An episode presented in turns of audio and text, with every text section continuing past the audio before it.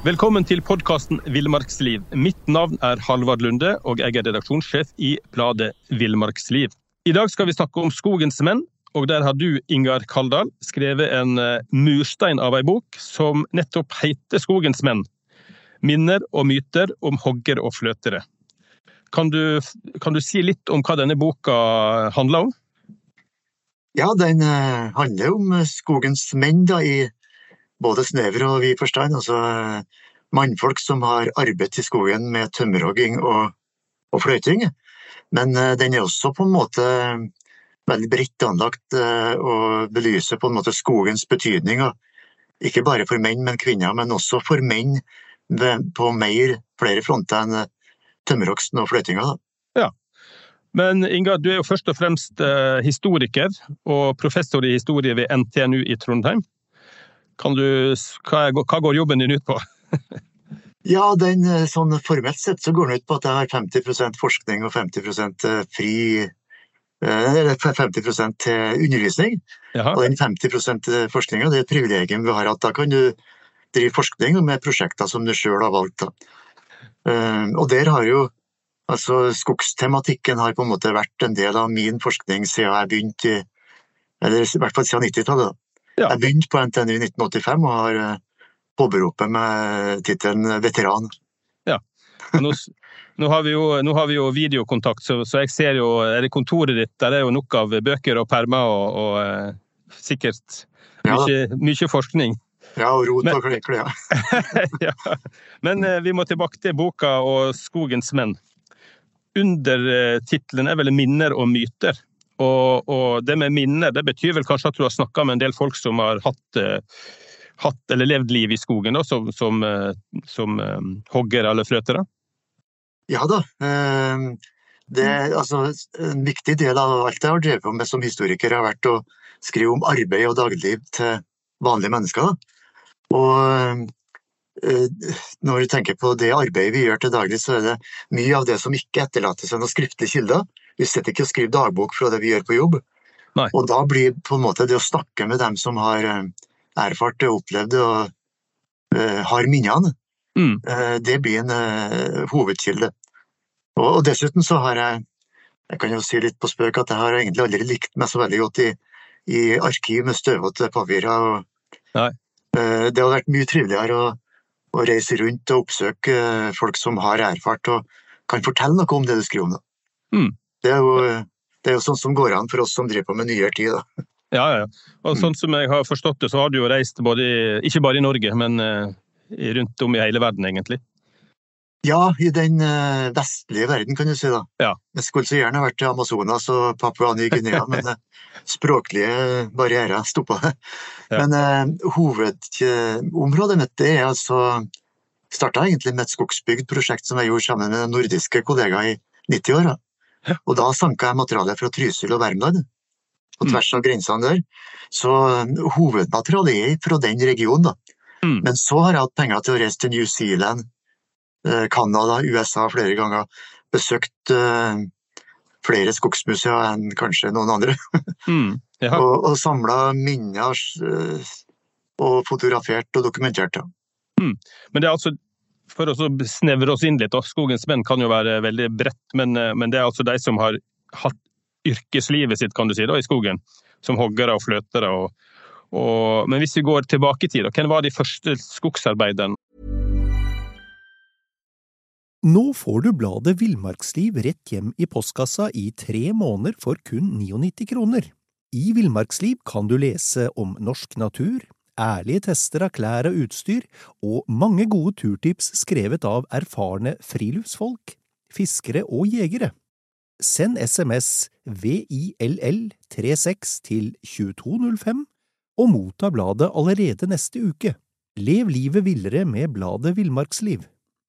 Ready to pop the question? The jewelers at BlueNile.com have got sparkle down to a science with beautiful lab-grown diamonds worthy of your most brilliant moments. Their lab grown diamonds are independently graded and guaranteed identical to natural diamonds, and they're ready to ship to your door. Go to Bluenile.com and use promo code LISTEN to get $50 off your purchase of $500 or more. That's code LISTEN at Bluenile.com for $50 off. Bluenile.com code LISTEN.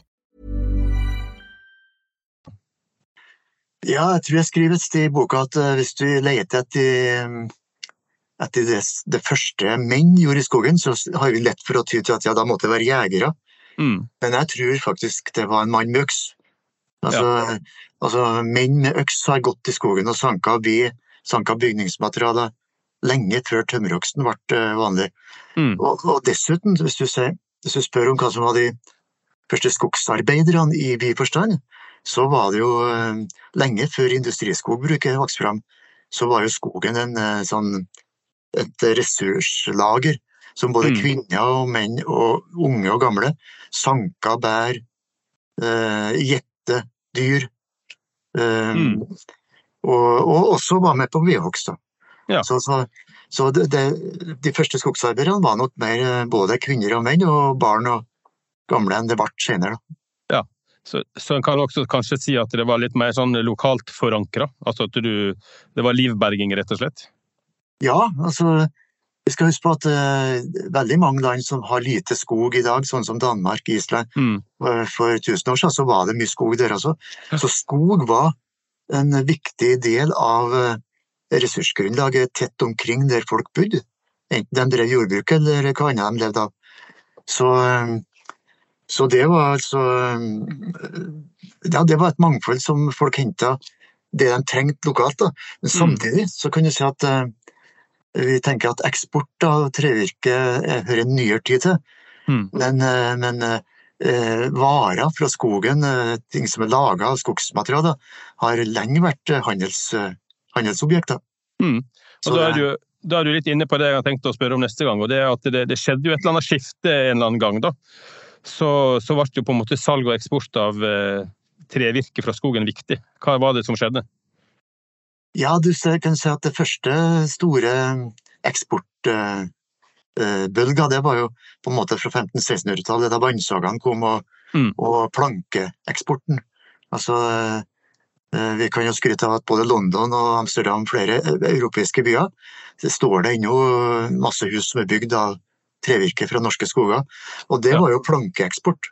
Ja. Men så kan du si at den store neste bølga er jo som jeg skriver om da, det er jo fra, med industrialiseringa fra 1860-70-åra. Da du får eh, ikke bare vannsager, men dampsager. Mm. eh, cellulose, tremasseproduksjon, mm. og papirproduksjon. Mm. Og det er jo da på en måte sysselsettinga i skogen tar seg virkelig opp, og, fordi skogen blir en sånn eh, avgjørende ressurs, råvareleverandør til, Mm. ja, til en av Norges største eksportnæringer. Da. Ja, for det var jo en stor arbeidsplass, skogen. Ja. altså. Ja. Ja. Ja, og da, fra da så vokser jo Det som er litt interessant, er at fra da så vokser jo eh, skogen som eh, sysselsettingsfaktor eh, helt fram til 1950-60-tallet. Mm. Langt, langt inn i industritidsalderen. sant? Ja. Så, og i 1930-åra så var, var, var skogsarbeiderne en av de største eh, yrkesgruppene i, i landet. Og Mm. et av de største fagforbundene i LO. Det er interessant. Men, eh, men eh, hvis vi skal gå, gå inn i liksom selve hverdagen til en skogsarbeider, da, så, så alle oss som ikke har jobba i skogen, hvordan så liksom eh, arbeidsdagen ut? Og da tenker jeg på den tida han gikk inn med øks og Ja, det var vel øks. Ja, ja. Hvordan så den dagen ut? Jo, øks og etter hvert håndsag, da. Ja. Det, det, det, det kan si, at det er en arbeidsdag som styres veldig av, av døgnet og lysforholdene. Og skogshogstsesongen var jo på vinterstid, Mm. når det i vår del av verden var ganske mørkt. Sant? Så det var, jo, det var jo lysets frambrudd og solnedgangen som avgjorde lengda på Mm. arbeidsdagen. Så det var jo, og det var jo som sagt altså, Sesongen var på vinterstid, det har jo sammenheng med at det var snøforhold som gjorde det mulig å transportere tømmeret Ja. ut. Sant? Og, og som, eh, som, ja, som la til rette for at hogsten og transporten kunne foregå. Mm. Så det var jo eh, Og når jeg sier at det var en av de største yrkesgruppene helt fram til 1930-40-åra, så, eh, så er det jo interessant at langt inn i den, det vi ellers tenker på som industrisamfunnet, så leverer tømmerhoggerne og fløyterne råstoff til industrien ved Mm. hjelp av arbeidsmåter som har vært vanlig i, i århundrer. Ja. Med, med muskelkraft og øks, hender, og transport også med muskelkraft fra hesten. Altså, um, alt dette er på en måte Det er prega av natur, det er prega av, av lysforhold som reguleres fra naturen og døgnets side. Og så er det manuelt og veldig, veldig vi kan si i hermetegn enkelt, men, eh, men um, veldig praktisk og kroppslig. Da. En ting som overraska meg litt når jeg leste boka di, var at det, det sto vel en plass om at det, det med barking det kunne utgjøre 50 av på en måte arbeidstida. da. Ja. Eh, Men hvorfor var barkinga så viktig, egentlig? Det måtte, jeg jo, det måtte jeg lure litt på, men jeg fant Ja. ut. Ja, det, barkinga var viktig fordi at, eh, av flere grunner. At eh, en barka tømmerstokk sklir lettere i snøen. Ja. Lett, lettere å transportere.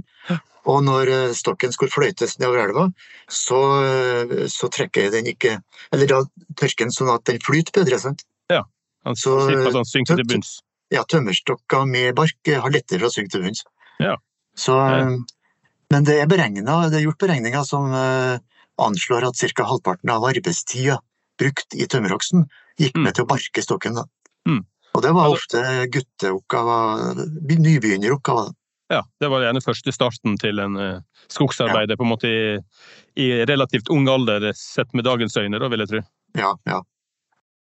Men eh, eh, nå har vi jo nevnt vannsaga og litt andre redskap her. Hva, hva har vært de store liksom, eh, redskapsinnovasjonene i, eh, i denne næringa? Ja, du kan si mange, mange snakker da om motorsag, at den revolusjonerte eh, arbeidet i skogen. Og det gjorde den nok. altså Den endra håndsaginga med, med å bruke handa og dra Mm. saga med, til kjededrevet sag med, med motor. Mm. Eh, men eh, det som jeg har resonnert meg fram til, at eh, motorsaga avskaffa ikke kroppsarbeid, og den gjorde egentlig kanskje ikke hogsten noe særlig dette heller. Nei. Jeg liker gjerne tvert imot. Den store revolusjonen kom først fra, fra 1960-70-tallet med de nye hogstmaskinene. Eh, Først traktor, da. Mm. Gårdstraktorer som ble tatt i bruk i skogen, som tok over transporten etter hesten. Og så får du fra 70- og 80-tallet nye maskiner som blir mer og mer avansert, og som tar over ikke bare transporten, men også hogsten, kappinga av stokk, transporten. Mm. En og samme maskin som da kjøres av en mann som, sånn som de gamle, sa. han sitter Ja. bare i et førerhus med, med skjorta oppretta og i varma, varma førerhus. Eh, Så, så det er på en måte den, eh, den store revolusjonen kommer der teknologisk først i 1960-70-åra, mens i industrien så kan du si at eh, foredlinga av trevirke skjer 100 år før. Det er jo litt rart å tenke på, for det er jo tross alt altså 60-tallet. Det er ikke så, så lenge siden, for iallfall oss som har, har levd noen tiår. Ja, ja. Men det er jo eh, litt nærliggende å gå over og snakke om boforholdene til de som jobba i skogen på den tida. Og, og vi i Villmarksliv har jo tidligere skrevet om, om eh, Nyingen og Gapahuken, at det var ganske sånn enkle, enkle losjiforhold. Hvordan, eh, hvordan overlevde de ute i skogen vinterstid? Ja, det var eh, altså opprinnelig, langt tilbake så var det jo vanlig at, eh, å bo i jordkoia, da. Mm. Så, eh, ba, som var bygd av bar, mose, og som var Du kan sammenligne det med en, med en labo, sant? En gamme, nesten. Gamme, ja, gamme. Ja, ja. mm. Ja, ja, ja. Så får du jo etter hvert mer moderne koier som er bygd av plank og etter hvert tømmer, da. Men sjøl da så er gjerne gulvet på en måte en eh, jordbunn eller en mosebunn. Ja. Så det finnes jo historier om at eh, det kunne da, Dere var jo utover våren når det begynte å bli vårløsning, så kunne det være så bløtt i koia at de måtte legge ut bar for å ha å gå på. sant? Ja. Så det var eh, Men moderniseringa av det koielivet skjer jo utover i 1920-30, og i noen plasser ikke før i 40-50-åra. Jordkoia er i bruk ennå i mellomkrigstida, mange steder. Ja. Så, men den moderniseringa kommer jo etter at eh, det blir satsa fra statlig hold også på at eh, eh, arbeidsforhold, boforhold og hygieneforhold i skogen skulle bedres. Mm. Det var på en måte under all verdighet mye av de forholdene de levde under. Det kom vel en lov òg en gang på var det 20-tallet en gang, som, som satte krav? Ja da, og det kom flere nye lover etter hvert som, som setter nye regler både for mathushold og hygiene og, Mm. og kvalitet på koiene. Hvis du, hvis du vil se en del av de koiene, så er jo det å ta et besøk på, på eh, Skoghusmuseet på Skogmuseet på Elverum. Ja. Eh, På Prestøya der så har de samla en praktfull eh, mengde med koier fra hele landet, som viser litt av den historikken om hvordan, folk, hvordan skogsarbeiderne bodde gjennom ulike faser. Ja, Artig. Men eh, når vi er på koie, så går vi over til litt eh, bespisning, skulle jeg si. En, eh, jeg googla litt, og da fant jeg ut at en tømmerrugger måtte få i seg rundt ja, 7000 kalorier i løpet av en arbeidsdag da, for å holde, holde oppe arbeidsintensiteten. Eh, hvordan var liksom matstellet her? Var det felles matstell, eller var det individuelle har sagt eh, du måtte skaffe maten sjøl? Ja, det er variert, da. Eh, I Norge så har jo eh, arbeidslagene i skogen vært eh, mange steder veldig små. Har bodd i kanskje tre, fire, fem mann. Mens andre steder, Sverige, Finland, på ikke USA, så var det tømmerhoggerleirer Mm. med veldig store forhold. Og, og felleshushold med leirer og spisebrakker. Og... Men i Norge så kom, eh, kom det der med felleshusholdning med at det ble vanlig å ansette kokker. Jaha. Altså, I hvert fall på større arbeidslag, så, og koier med nok antall mann til å kunne dekke det økonomisk, så, så ble det gjerne leid inn en kokke som laga maten. Og da ble det jo felles hushold. Ja.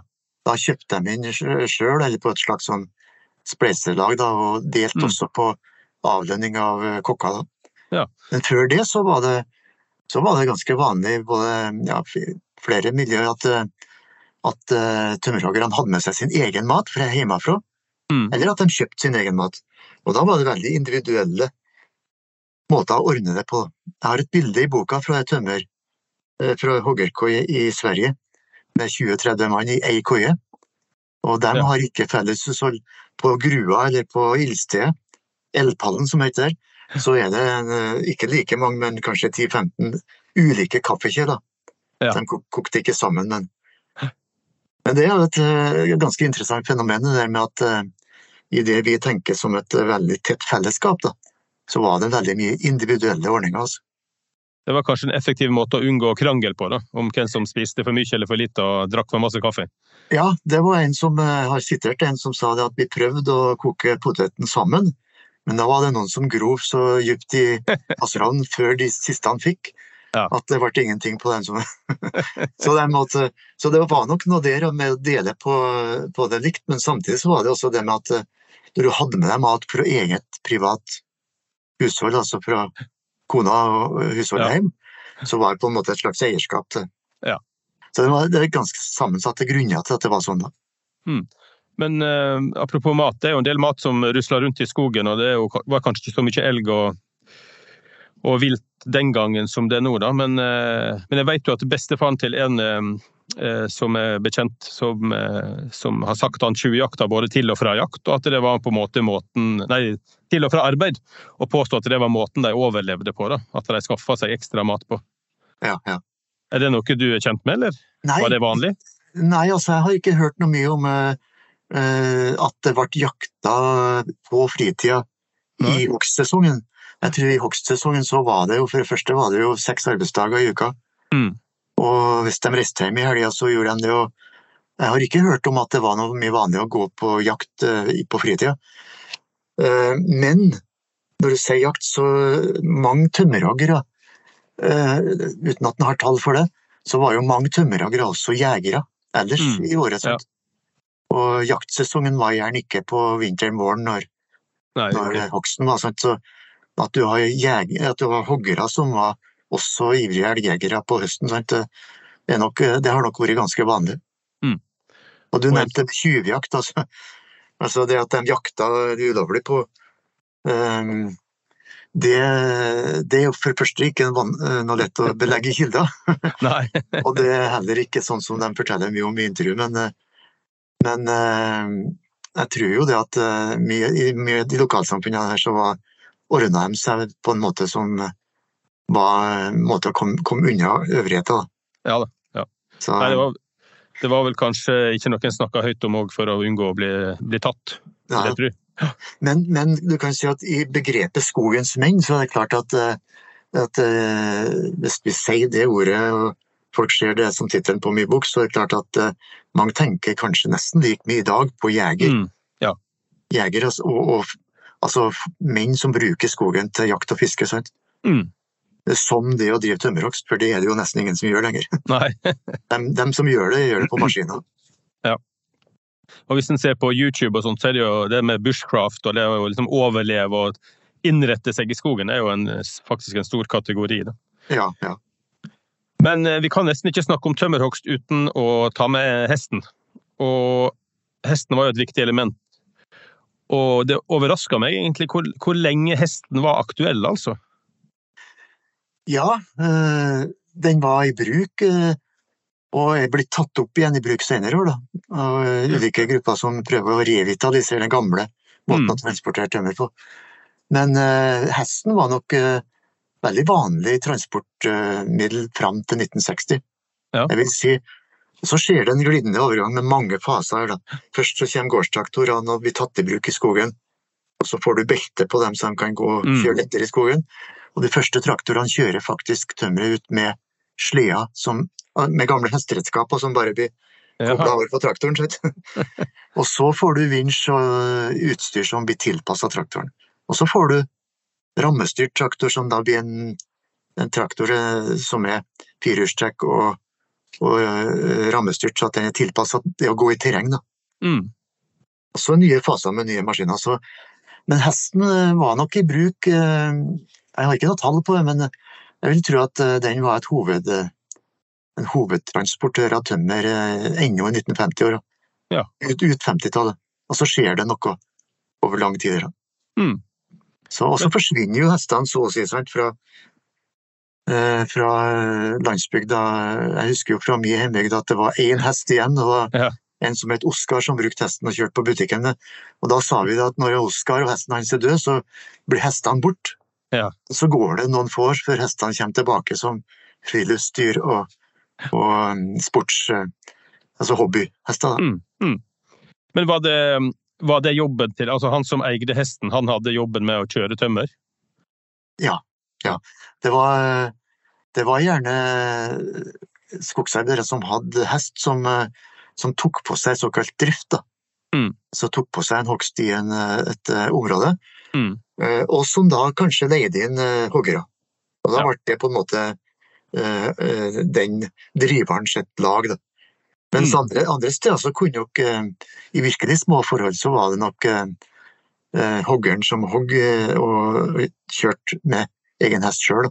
Mm. Okay. men små og store forhold varierte veldig her, da. Mm. Men eh, det å jobbe på, i skogen på den tida var jo en jobb for, for tøffinger, og, og, kanskje ikke et godt miljø for de som var litt sånn sarte sjeler, da. Og, og, du skriver jo i boka di om et par episoder som er lett å le av i dag, da. Men den gangen var det jo ikke så lett Altså, det var jo ikke spøk å skille seg ut?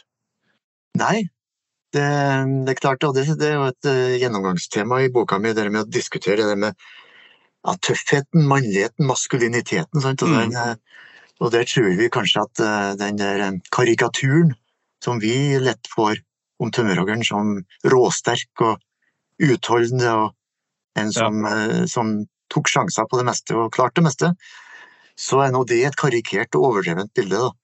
Men om den type, typen eh, hoggere, storhoggere som de har vært kalt, så, så ble det også eh, laga historie og anekdoter. Og det, mange av dem ble legender i si bygd. Jeg tror hvis vi gikk rundt i, rundt i skogsbygdene i Norge, så er ingen bygd som ikke har sin, eller sine legender. Mm. Som er liksom en sterkola, eller en Som da på en måte alle husker fordi at han gjorde noen eventyrlige bragder. og eh, Jeg har jo en som jeg har eh, trukket fram fra Skandinavia, en som ble kalt for Storpersvensa. Som levde sitt liv i Värmland og delvis var over også på norsk side. Storsvensken mm. ble han kalt i, i Norge. Da. Han var så stor at han, eh, og sterk at han en, kunne gå en gang tømmerfløyting og kjørte seg fast og da danna en floke i elva. Så gikk han bare ute og så løfta opp en stor stein, og så løste han hele greia. altså, men den type historie har jo eh, Det er ingen grunn til å si at dette er en beskrivelse av tømmerhoggeren som han var. Dette er historier som de mer vanlige tømmerhoggerne laga om den som skilte seg ut. Ja. Og da er det, det er en dobbelthet i det at eh, på et vis så er de der legendene de, er, de var nok en av oss for skogsarbeiderne. Men samtidig så var de også eh, hva skal vi si, karikaturfigurer som viste at sånn rå, så rå er ikke vi, men vi greier det likevel. Mm. Så det er en sånn dobbelthet i det der. Litt, eh, litt indirekte, indirekte skryt av seg sjøl. Ja, ja, på en måte. Altså, og det å fortelle at du har jobba med en eh, storhogger og klarte jo selvfølgelig ikke så mye som han, men av og til klarte nesten like mye, så var det på en måte en sånn Snikskryt. Ja, ja. Men eh, du, har jo, du skriver jo om han, eh, han dikteren Børli, da, og, og, som får De bruker diktene som underlag for steikepanna, og, og ja. Ja, ja, det er jo altså Børli er jo, er jo en veldig interessant figur i hele eh, ja, I boka mi så kommer jeg stadig tilbake for han, til han, for han har fortalt så godt om det både i dikt og i sjølbiografien, Mm. med økse og dyret'. Og det du sikter på det med stekepanna, det er jo en episode hvor han har skrevet et dikt også, Mm. som heter For i Gørvikbrakka. Mm, For Han forteller om en gang han var på hogst, ung, ung gutt, var med på hogst sammen med eldre karer. Og så sitter han opp da med, i kveldsstunda og prøver å skrible på et dikt om eh, sjøen og stjernene, tror jeg han sier. ja. Uh, og så får han høre fra hjørnet at uh, 'slokk lampa, gutt'. Altså nå skulle de sove, sant? Ja. Og de reagerte jo på det, ikke bare for at de skulle sove, men det var også noe med at han prøvde å gjøre noe annet enn det som var nyttig. da. Ja. Å drive med skriving var ikke sånn som, som kasta av seg for en tømmerhogger. Og så heide den der motviljen, motstand på en måte mot eh, skriving, boklærdom, lesing også, Ja. så, så er den ganske grunnfesta. Og det med, du snakker om stekepanne, var det jeg skulle komme fram til. her. Ehm, han forteller jo i sjølbiografien at, eh, at uh, en gang han satt og skrev på et dikt, så skrev han på matpapir som lå igjen på bordet. Om morgenen så, det, så, så finner han diktet, eller papiret ødelagt, da Ja. har en av de gamle gubbene satt stekepanna oppå. Og så sier den gamle at nå, nå har jeg trykt diktverket ditt, gutt. Ja. Du får, så er det en replikk slutt med det der tullet der. Ja, ja, ja. Altså, ikke du må konsentrere deg om det som er viktig. ja. Jeg måtte jo flire, og det, det står en plass i boka di at, eh, at eh, selv det å røyke sigarett, altså sikkert ferdigrulla sigaretter, det var, det var sett på som litt homofilt. Ja, jeg har ikke noen kilder, jeg, jeg ikke noen kilder på det fra Norge eller Skandinavia, men jeg har jo reist mye i USA, samla Ja. minner fra og lest en del gode lokale, bøk, lokale bøker også fra andre land. da. Og i de tømmerhoggerleirene som jeg nevnte i stad, som var veldig store, var kanskje flere hundre mann, så er det historier fra 1950-tallet, når, når de eh, ikke slutter å røyke bare pipe, men før så Det var ikke snus, men det var jo tyggetobakk, sant? Ja. Og det var jo, hvis de røykte, så var det karva tyggetobakk i pipa. Mm. Eh, I røykepipa. Og så kommer da noen eh, nye og yngre med, med sigaretter. Og det å røyke sigaretter, det var sett på som ikke bare feminint, men kanskje et tegn på at du hadde feil eh, seksuell legning. Og da er det noen, noen som sitter her sitter, som forteller at da ble de sendt hjem. Ja. For det kunne du ikke ha i Så den der, hva skal vi si, den der påpassinga av det maskuline, det har nok gjennomgått flere faser og hatt kommet til uttrykk på mange plan. Mm. Ikke bare med det med bøker og lesing, men med mat eh, Altså det med å det med å røyke sigaretter var mistenksomt, men så blir det jo det også ok, sant? Mm. Eh, Men eh, når det gjelder mat, så har jeg jo en historie fra Finland om en unggutt som hadde med seg kakao. Ja. Og, og det ble jo sett på som eh, Det var altså ikke mannlig nok, så da var det en gutt som fikk tømt ut kakaoen, og så fikk han servert kaffe. da, Svart kaffe. Så um, her skulle du lære det som gjorde deg til mann. Ja, ja, ja. ja. Ehm, ja, skal vi se. Vi, vi var jo så vidt innom disse mytiske fortellingene og sånt, men eh, Men uh, noen av dem er jo litt sånn sanne, det at, at uh, de både sover og jobber i de samme klærne liksom i, i ja, både dager og uker i strekk. Og at, uh, at liksom, både hår og klær frøs fast i koieveggen når det var på det kaldeste. Ja, ja. Det er ganske brutalt. Ja, og det var, det var brutale forhold. Det var sett fra våre vårt liv, så, så, så er det mye som, her, som vi ikke har takla i hele tatt. sant? Men eh, jeg tror noe sånn som den anekdoten om at håret frøs fast i koieveggen, det har blitt en litt sånn vandrehistorie. Ja. Vi kan ikke vite hvor mange som egentlig opplevde det, men at det var kaldt i koia, og at, eh, at de lå og frøs, og at de eh, kanskje la seg så med klærne på og tørka det i varmen mot, eh, mot om. Mm. Så det var nok ganske, ganske vanlig. Så, så temperaturforhold og også hygienen i koia kunne jo være, være på måter som vi ikke ville, ville eh, holdt ut så veldig lenge, for å si det sånn. Og, Ja. så, og når det gjelder hygiene, så har jeg jeg jo en historie som eh, om eh, Da kokkene kom, så er det klart at da kom det noen nye på en måte synspunkter inn i eh, dagliglivet, og også nye måter å tenke hygiene på. Ja. Men da er det jo ei kokke som får fortalt i ettertid da, til en student som, jeg som skrev opp om det her. Nå får du bladet Villmarksliv rett hjem i postkassa i tre måneder for kun 99 kroner. I Villmarksliv kan du lese om norsk natur, ærlige tester av klær og utstyr, og mange gode turtips skrevet av erfarne friluftsfolk, fiskere og jegere. Send SMS VILL36 til 2205 og motta bladet allerede neste uke. Lev livet villere med bladet Villmarksliv. Many of us have those stubborn pounds that seem impossible to lose, no matter how good we eat or how hard we work out. My solution is PlushCare. PlushCare is a leading telehealth provider with doctors who are there for you day and night to partner with you in your weight loss journey. They can prescribe FDA-approved weight loss medications like Wagovi and Zeppound for those who qualify. Plus, they accept most insurance plans. To get started, visit plushcare.com slash weight loss. That's plushcare.com slash weight loss. At eh, Oline hun syntes eh, svettelukt av, av skikkelig slitere som kom fra skogen. Det gjorde hun ingenting, men svettelukt fra stillesittende arbeid, det reagerte hun på.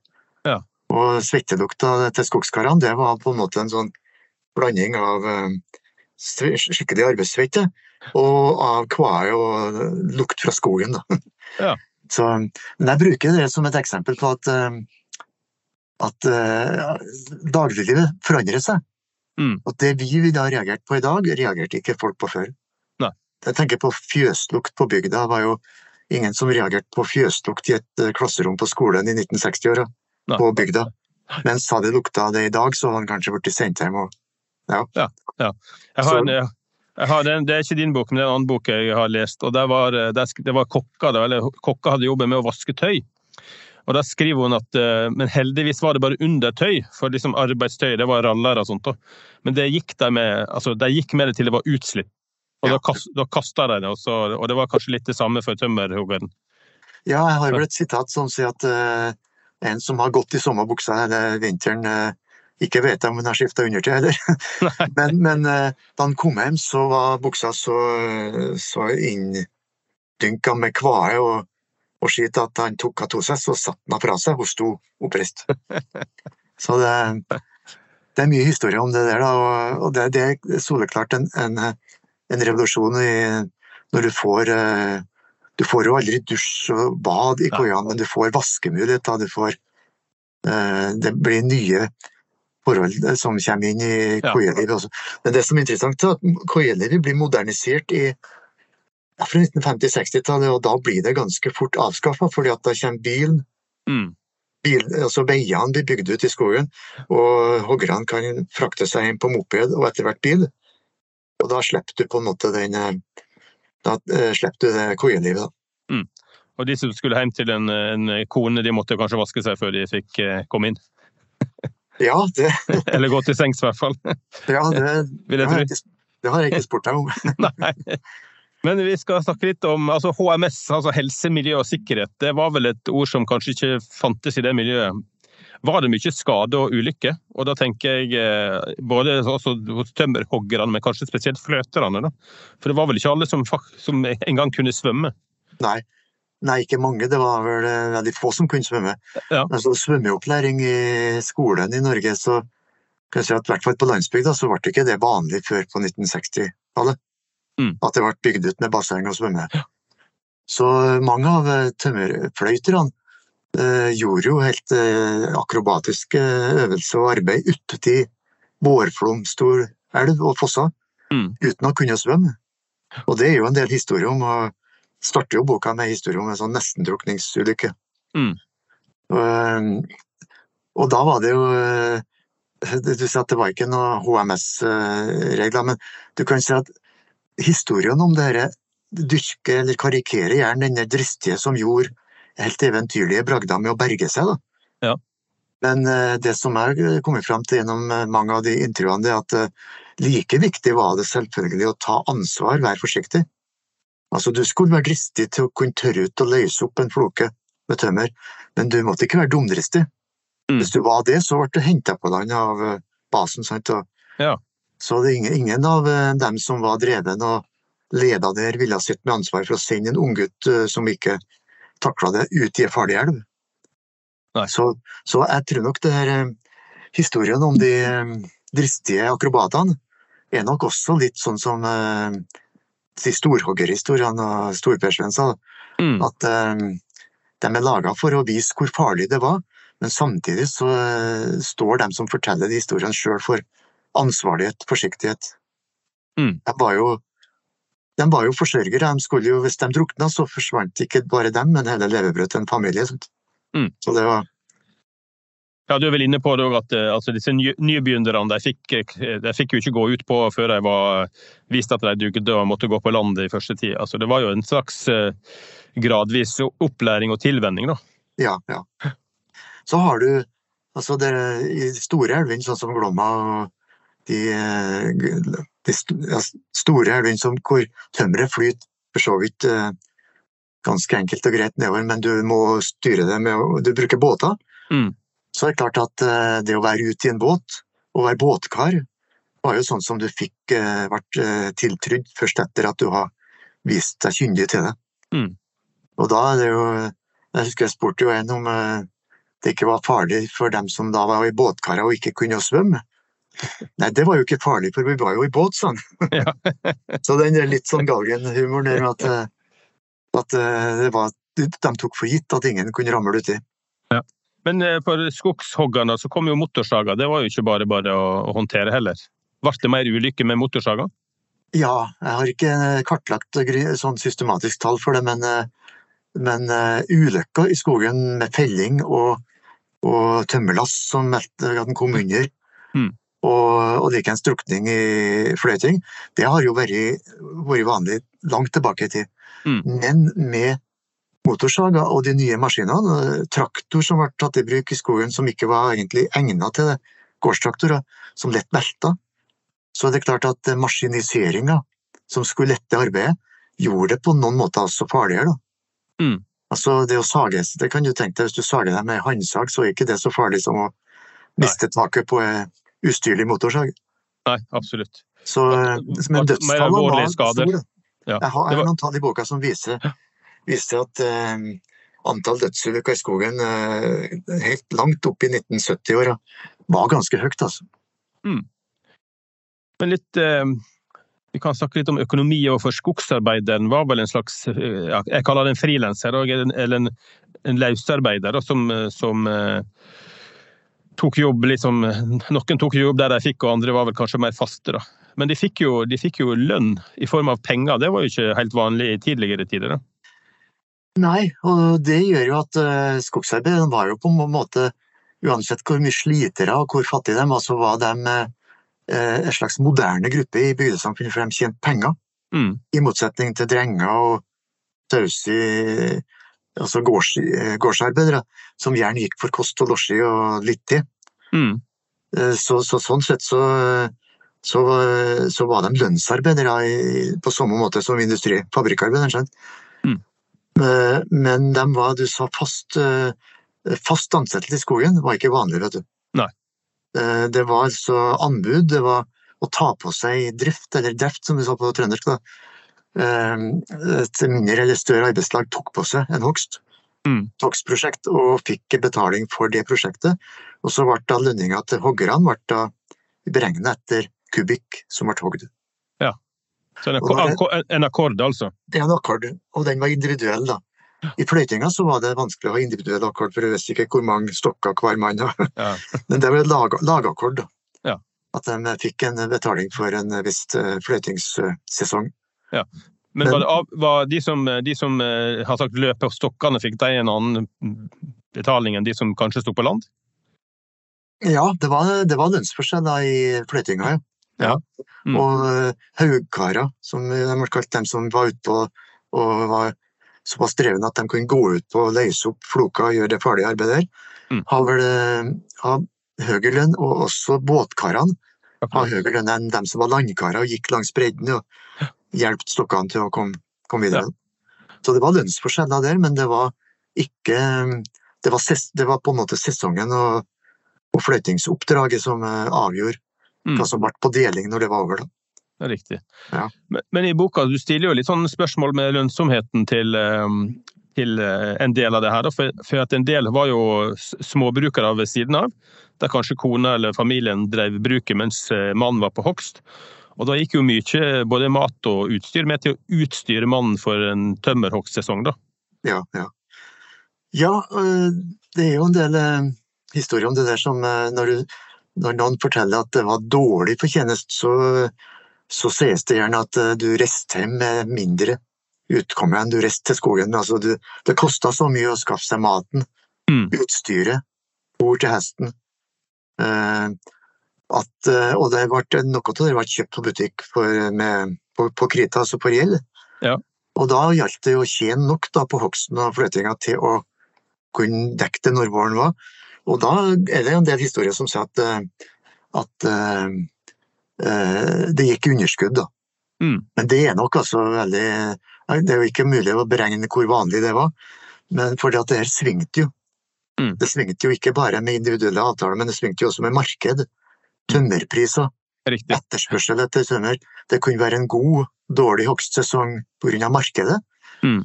Eh, Samtidig kunne det være en god og dårlig hogstsesong pga. været. Eh, hogstforhold, altså én type skog kunne være letthogd, en annen kunne være tunghogd. Og da kunne jo et arbeidslag feilberegne seg, ta på Mm. seg en hogst som da viste seg å være vanskeligere enn enn de har tenkt Mm. og, og inntekta kunne bli dårlig. Da.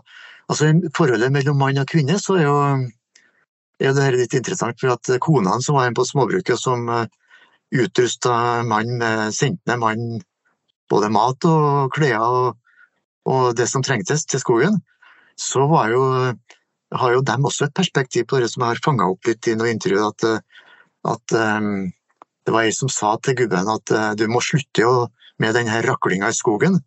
For det kasta ikke noe av seg. sant? Kom hjem og var, har ikke med seg noe overskudd. Så, så hvem som forsørger hvem, Ja. er jo faktisk et interessant spørsmål. For at eh, sånn, vanligvis, og litt fordomsfullt, så tenker vi gjerne at mann alltid alltid forsørgeren. Og det er jo ikke, det er jo ikke et uh, riktig perspektiv i de økonomiene her, hvor, hvor det for det første er det ikke individuelle bidrag til husholdet. Husholdet er en enhet. sant? Mm. hvor kone, unger, gamle og mann bidrar med både det som er i fjøset og det som kommer fra skogen. Så, men, eh, men at det var at det var en del, eh, en del hoggere som eh, var i skogen og, og, og i dårlige sesonger ikke kjent så mye på det, det er nok ikke noe tvil om. Ja, du har jo, altså Tittelen på boka det er jo 'Skogens menn', men det kunne jo egentlig vært 'Og kvinner' er som en undertittel. er Ja. ja. For det var jo ja. kvinner, ja, kvinner hadde jo en viktig rolle på ikke bare sånn gårdsarbeid, men i andre sammenhenger òg. Ja da. Eh, og den boka kunne jo godt ha hett det, men eh, eh, ja, det, var, det har vært en liten sånn diskusjon både hos meg sjøl og ellers det, da. Men eh, hadde jeg kalt den eh, 'Skogens menn og kvinner', så har jeg nok blitt kritisert for at det tross alt er mest om menn. Ja. Så, så Ja, for det var, ikke, det, var van, det var ikke vanlig at kvinner var hoggere eller fløtere på, i Nei. tidligere tider, i hvert fall. Nei da, og det har jeg jo en del eh, kapittel om, eller en del resonnement omkring. altså at eh, Kvinner som da tross alt likevel Mm. eh, tidlig faktisk kunne bli med på tømmerhogst, de ble jo sett på som uvanlige og ukvinnelige. Litt maskuline kvinner. sant? Og de gikk til og med sånn som en sa, de gikk til og med i mannsklær. Ja. Eh, men, eh, men det der er jo, det er jo litt interessant altså at eh, skogsarbeidet som begrep blir jo på en måte med industriskogbruket, så blir skogsarbeid på en måte identisk med tømmerhogst og mannlig tømmerhogst. Mm. Mens hvis vi ser et skogsarbeid og definerer det som arbeid i skog, så er jo skogsarbeid, sånn som jeg var inne på i stad, Mm. det er jo eh, det er jo sånt sånn som både kvinner og menn drev med, og brukte skogen til, et, til å hente et mangfold med ulike ressurser. Da. Mm. Fra bær til ved til urter til ja. Ja, Du nevner vel et Så- eksempel i, i tidligere tider med å passe kålmilene. At det var, kunne like godt være en kvinne da, som satt oppe om natta og, og fyrte den, eller på dagtid. da. Ja, og, og om ikke fyre, så var det kvinner, men også unger som var med. Og, Ja. Fordi at kålmilene måtte jo, de måtte jo brenne kontinuerlig. Og han som Mm. passa den brenninga, måtte jo være våken og gripe inn hvis den tok for mye fyr. For da Mm. brant den jo ned. Og hvis det slokna, så gikk det jo galt, det også. Så den der passende ulminga måtte jo passes. Og da var det jo så som så med søvn til mil, kål, kålbrenneren. da. Så det å ha med seg kvinner, og, og kanskje særlig unger, som kunne vekke en når, eh, når noe skjedde, det var viktig. da. Mm. Så det er klart, for å si det veldig sånn eh, enkelt, så før det industrielle tømmerskogbruket, så var skogen en mye mer mangfoldig arbeidsverden, hvor både kvinner og menn og barn og, og gamle var, var med, da, og gjorde Mm. veldig mye forskjellig. Ja. Og så blir det på en måte med industriskogbruket som blir skogsarbeid nesten sånn eh, synonymt med mannlig tømmerhogst og Akkurat. Men du, Vi skal snakke litt om statusen til, til skogsarbeiderne. Og Her har du um, sitert han Børli, og, og Hans Børli han var jo en, eh, han var jo selv tømmerhugger, men ble jo etter hvert en veldig anerkjent eh, dikter òg, eller forfatter. Og Det han skriver, det må jeg få lov til å sitere. da. Tømmerhoggen har alltid stått nederst på den sosiale rangstigen. Under seg har han bare hatt tatere, skjærslipere, såpekremmere og eh, andre slike statusløse medlemmer av samfunnets pariakaste. Når en mann er så trent og så trang i knollen og lite for seg at han ikke dugde til noe annet, da og først da ble han tømmerhogger. Og det er jo ganske sånn harde ord da, fra en som var tømmerhogger sjøl. At Ja. han plasserer seg på en måte helt, helt nederst på samfunnets rangstige. Ste- Ja. Stemte det? Ja, jeg tror nok han har rett i det. og eh, eh, Nå kunne ikke jeg diskutere med Bøhler, skulle gjerne ha gjort det, men eh, jeg er sikker på han hadde erfaring nok til å kunne påstå det der, ja. Ja. At, eh, men han, eh, på et vis så tar han, han tar nok feil på ett punkt eh, som han ikke tar med i bildet. her, da. Og det er det som jeg var inne på, at tømmerhoggeren tjente tross alt penger, Ja. mens drenger, gårdsarbeidere, gjetere, åndearbeidere på gårdene var, lå under. Så det å være gårdsarbeider låg, var lavere i rang på en måte i i bygdesamfunnet enn å være i skogen. Da. Mm. Men når det er sagt, så, så har han rett i det der at, eh, at eh, det å være skogsarbeider og tømmerhogger, det var, det var en lågstatusgruppe. Det var en tittel som var ikke uh, tror jeg har sitat en som sa at han skrev ikke det i telefonkatalogen, i 19, og det var tidlig i 1920-30-åra. Men seinere, da, når han blir gammel, så er han stolt av at det står tidligere eller at han var Ja. tømmerhogger. Så jeg tror det, det skjer noe her med, med statusen eh, til tømmerhoggeren som eh, eh, litt sånn som Ibsen sier at evig eies kun det tapte. Når Ja. ei yrkesgruppe forsvinner og blir degradert og marginalisert, så blir på en måte historien om at jo, men den betydde mye likevel. Da Mm. blir det lett for at vi, vi mytologiserer og romantiserer den statusen de hadde. Mm. Men Børli er jo litt, eh, litt, litt etter det sitatet som du, du leste opp her, så har han en sånn eh, artig digresjon. Han, Han skriver om at han har fått eh, brev eller sånt fra norskamerikanere som forteller at borti der så var tømmerhoggerne helt uten betydning. De var, de var på en måte Ja. Og de gjorde et arbeid som alle kunne greie, for det var på en måte Du kunne hente en mann fra bygda og sende ham på tømmerhogst, og det gikk så bra. Da reagerer Børli på det og sier at nei, det stemmer nok ikke, for tømmerhoggeren hadde et arbeid som krevde mye. Det krevde ferdigheter. Og så tror jeg han sier at hvis de ikke har hvis ikke tømmerhoggerne har vært kompetente, Mm. flinke og hadde tatt sine ferdigheter øh, hatt den, dem i behold, så hadde det vært enda mye mer ulykker i skogen. Det var såpass tross alt lite ulykker, så var det for at tømmerhoggeren kunne sitt yrke og, og vist seg forsiktig. Altså Her har du en, på en måte en dobbelthet mellom statusen var låg, den var ikke noe høgstatusgruppe, og hvis du sammenligner hoggeren med bonden med jord, så er det klart en klasseforskjell. Statusen var låg, men æra knytta til eh, forbundet med det arbeidet som de gjorde, den kunne være ganske sterk og viktig. Så jeg bruker å si at eh, du kunne ha grupper i bygdesamfunnet som hadde høy posisjon, status, makt, Mm. økonomisk rikdom, men som ikke satt med så stor ære, sånn i det ute i Mm. de brede lag. Men så kunne du ha fattige slitere som var kjent på som ærlige, oppriktige, skikkelig flinke arbeidsfolk, og som hadde eh, som eh, forvalta den der arbeidsæra, som jeg kaller det. Nå er, jeg ikke så, nå er ikke så god i sport, men det var vel noen eh, skiløpere som var relativt gode på ski i sin tid, og, og som var tømmerhoggere. Ja det, var det med å hjelpe kanskje til å heve statusen litt, iallfall i ettertid? Ja, ikke bare i ettertid, men da også. Altså, ja. Nå vet ikke jeg hvor gammel du er, men jeg er så gammel at jeg husker jo Grønningen og eh, Ellefsæter eh, som døde nå for kort tid siden. Um, og de tømmerhoggerne som var Eller de femmilsløperne, femmilskongene i 1950-60-åra, Ja. det var jo eh, arbeidskarer fra skogen som har blitt sterke. Barkinga, hogginga, Mm. var jo arbeid med overkropp og ga muskler og styrka på en måte de delene av kroppen som, som også gjorde dem til utholdende flinke i Mm. femmil, Ja. på ski. Og de gikk, Så- gikk kanskje på ski til jobb òg, altså Ja. lange distanser. Ja. Ja da, historier om det, og det er anekdoter om eh, hoggere fra Østerdalen som gikk på ski til Holmenkollen. Var med i femmila. Gikk femmila, så gikk de på ski hjem igjen. det er sånne eh, anekdoter som selvfølgelig også er litt eh, overdrevet.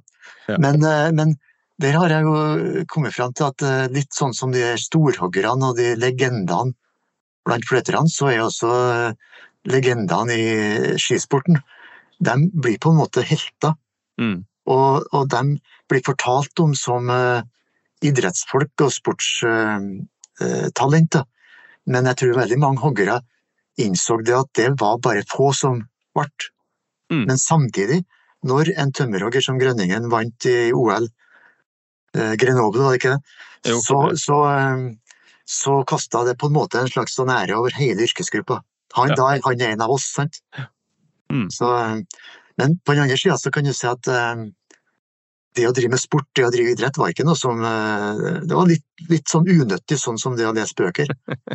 Så Michael Fønhus har jo skildra det litt godt i en roman eh, eh, hvor han skriver om at en sønn til en tømmerhogger ble skiløper og, og gjorde eh, bragda der, men faren var veldig skeptisk. For Ja. det var unøttig, og han skulle ha kommet Han var jo rundt omkring på skirenn når han burde ha vært med i skogen. Mm. Så den dobbeltheten med å være stolt av prestasjonene de gjorde, samtidig så eh, gjorde de noe annet enn å arbeide. Nå har vi vært litt inne på det, men eh, altså 50-60-tallet, da skjedde det en sånn teknologirevolusjon med denne her traktoren og, og hogstmaskinen og sånt.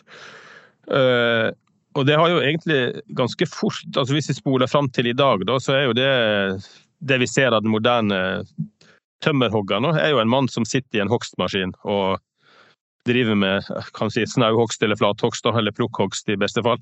Ja. Ja, Ja, altså- Kom, men spørsmålet er hvor mye er igjen av den liksom, skogsarbeideren? Finnes han fortsatt? Ja, altså på et vis så er han eh, totalt bort, for han er ikke en eh, han, er ikke, han gjør ikke et arbeid som gjør han til en god femmilsløper.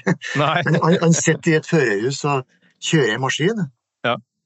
Eh, og dere snakker jo de gamle om også at, eh, at eh, det der må jo være usunt, og han fikk, de fikk kanskje mer vondt i ryggen av å sitte ensidig stilling der, Ja. enn de fikk i Det er historie om, da. Men altså, kroppsarbeidet, det, er- det praktiske med å være ute i skogen og på en måte håndtere tømmerstokken med øks, sag og hender og muskler, det blir på en måte bort, så å si, da. Eh, Mm. Øksa blir nok ikke helt bort. Men, eh, men den moderne tømmerhoggeren har eh, minst en to-tre sånne egenskaper som jeg har resonnert meg frem til at de kan si at de er ekte skogskarer som de gamle.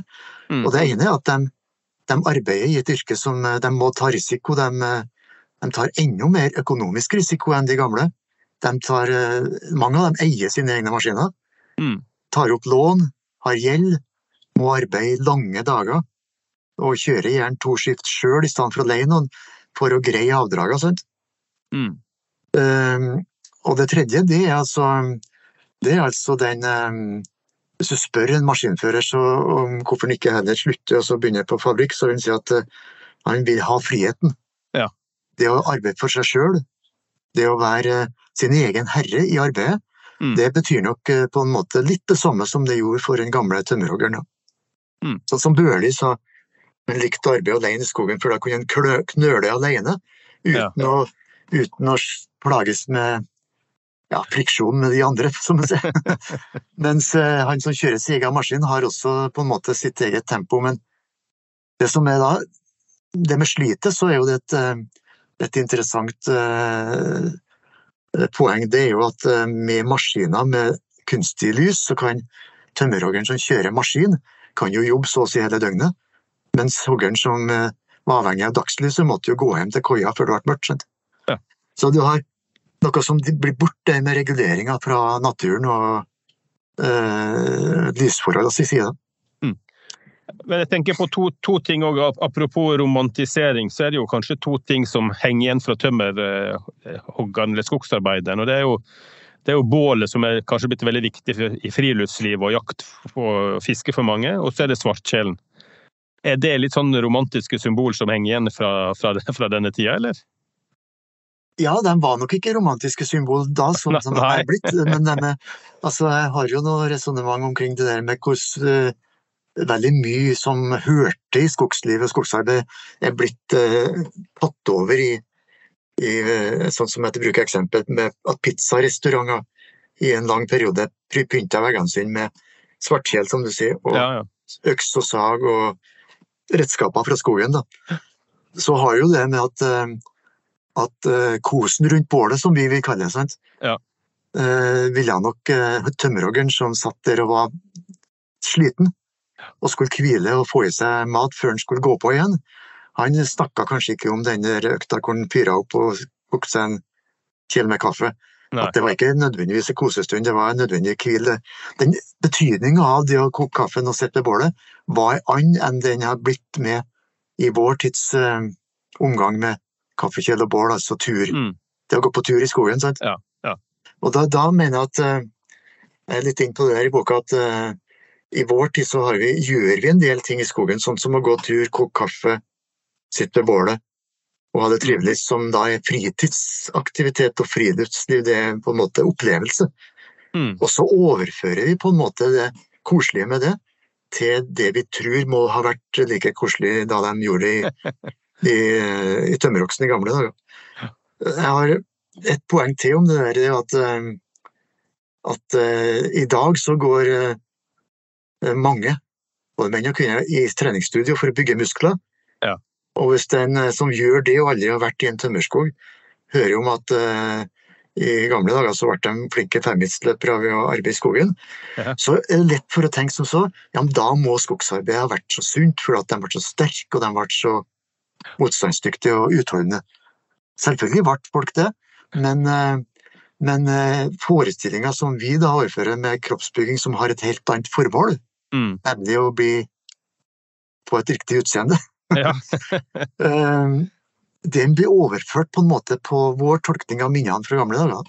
Ja. Og det, er det, det det jeg kaller på en måte den andre stikkordet i tittelen på boka, 'Minner og myter'. Ja. At i vår tid så mytologiserer vi på Mm. mange måter de, det vi hører om og, og det vi blir fortalt om eh, fra gammeltiden. Og de bidrar sikkert litt til det sjøl også, når de tenker tilbake. Mm. Så blir livet i koia før det ble avskaffa, blir huska på en måte litt triveligere enn det kanskje nødvendigvis var alltid. Ja, og, det, og det, har jo, det har jo spilt seg ut i moteverdenen. Altså hvis vi ser på, du nevner det òg i boka de hipsterne og, og det med rutete tømmerskjorte og, og riktig skjegg. Ja, ja, ja. Det, det har jo sine aner tilbake til tømmerhogsten. Nå sitter vi jo begge på Ja. Jeg har skjegg òg. Og jeg har rutete skjorte, og du har, Ja. vi har begge skjegg. Ja, hipster eh, altså jeg, bruk, jeg har et eksempel det er på en mote som varer visstnok noen år, særlig i USA, som ble kalt for lumber sexuals. Ja. Lumber, altså lumber eh, Det var jo eh, et annet ord for loggers. Ja. Eh, Tømmerhoggermoten. Og. Det var jo eh, en mote hvor eh, tøffe gutter i byen gikk i, tømme, i tømmerhoggerskjorte, rutete flanellskjorte, breie seler mm. og eh, skikkelig skjegg som var styla, sant? Ja, ja. Ordentlig styla. Og boots. Og så sitter de på en kafé og kjøper kaffe latte og jobber med laptopen. Ja. Så er de på en måte litt skogens menn. Altså, Dette er et veldig godt eksempel på, på sånn som eh, det finnes helt sikkert mange andre eksempler på hvor eh, tømmerhoggerverden og skogslivet har levert på en måte bilder til moteindustrien. Da. Mm. Altså, jeg begynte jo, gikk begynte å studere i 1970-åra og har gått i flan, rutete flanellskjort eh, helt siden da. Men jeg kan ikke huske på at jeg tok den ifra noe sånn ideal med tømmerhoggere. Det var rockemusikere fra California. ja. Eh, Så det var Neil Young og, som eh, da eh, fikk meg til å kle meg sånn. Men så kan du si at det har noen røtter likevel i en sånn etterligning av Mm. en sånn hippiene. Tok på en måte også etter noe som var da liksom urgammelt og opprinnelig. Ja. Ekte. En slags, egentlig en slags romantisering, det som vi har snakka om. Så, Ja, ja. Men eh, vi, må, vi, må, vi har snakka lenge og godt, og nå må vi runde av litt. Og da må jeg jo bare si at uh, vi i Villmarksliv vi driver jo ikke med bokanmeldelse, da. Men uh, den boka de hadde vi lett gitt en uh, terningkast seks, så den må vi, den må vi bare anbefale. Og, og har du ikke fått den til jul eller eh, kjøpt den, så er det bare å, å gå og handle. Og den finner du sikkert i din nærmeste bokhandel, vil jeg tro. Enten det er nett eller fysisk. Og vil du ha mer podkast fra oss her i Villmarksliv, så kan du jo sjekke ut Vi har en ganske ny nettside som heter podkasten villmarksliv.no. Da Inga, da er det bare å si tusen takk for en eh, god prat. Jo, sjøl takk, det var trivelig.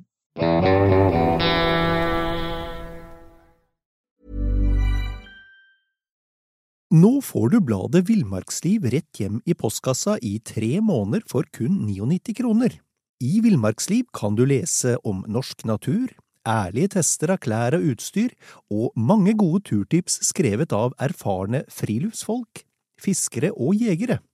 Send SMS VILL36 til 2205 og motta bladet allerede neste uke. Lev livet villere med bladet Villmarksliv. Hey, it's Danny Pellegrino from Everything Iconic. Ready to upgrade your style game without blowing your budget? Check out Quince. They've got all the good stuff shirts and polos, activewear, and fine leather goods, all at 50 to 80% less than other high end brands. And the best part? They're all about safe, ethical, and responsible manufacturing. Get that luxury vibe without the luxury price tag. Hit up quince.com slash upgrade for free shipping and 365 day returns on your next order. That's quince.com slash upgrade. Mom deserves the best, and there's no better place to shop for Mother's Day than Whole Foods Market. They're your destination for unbeatable savings, from premium gifts to show-stopping flowers and irresistible desserts. Start by saving 33% with Prime on all body care and candles. Then get a 15-stem bunch of tulips for just $9.99 each with Prime. Round out Mom's menu with festive rosé, irresistible berry chantilly cake, and more special treats. Come celebrate Mother's Day at Whole Foods Market.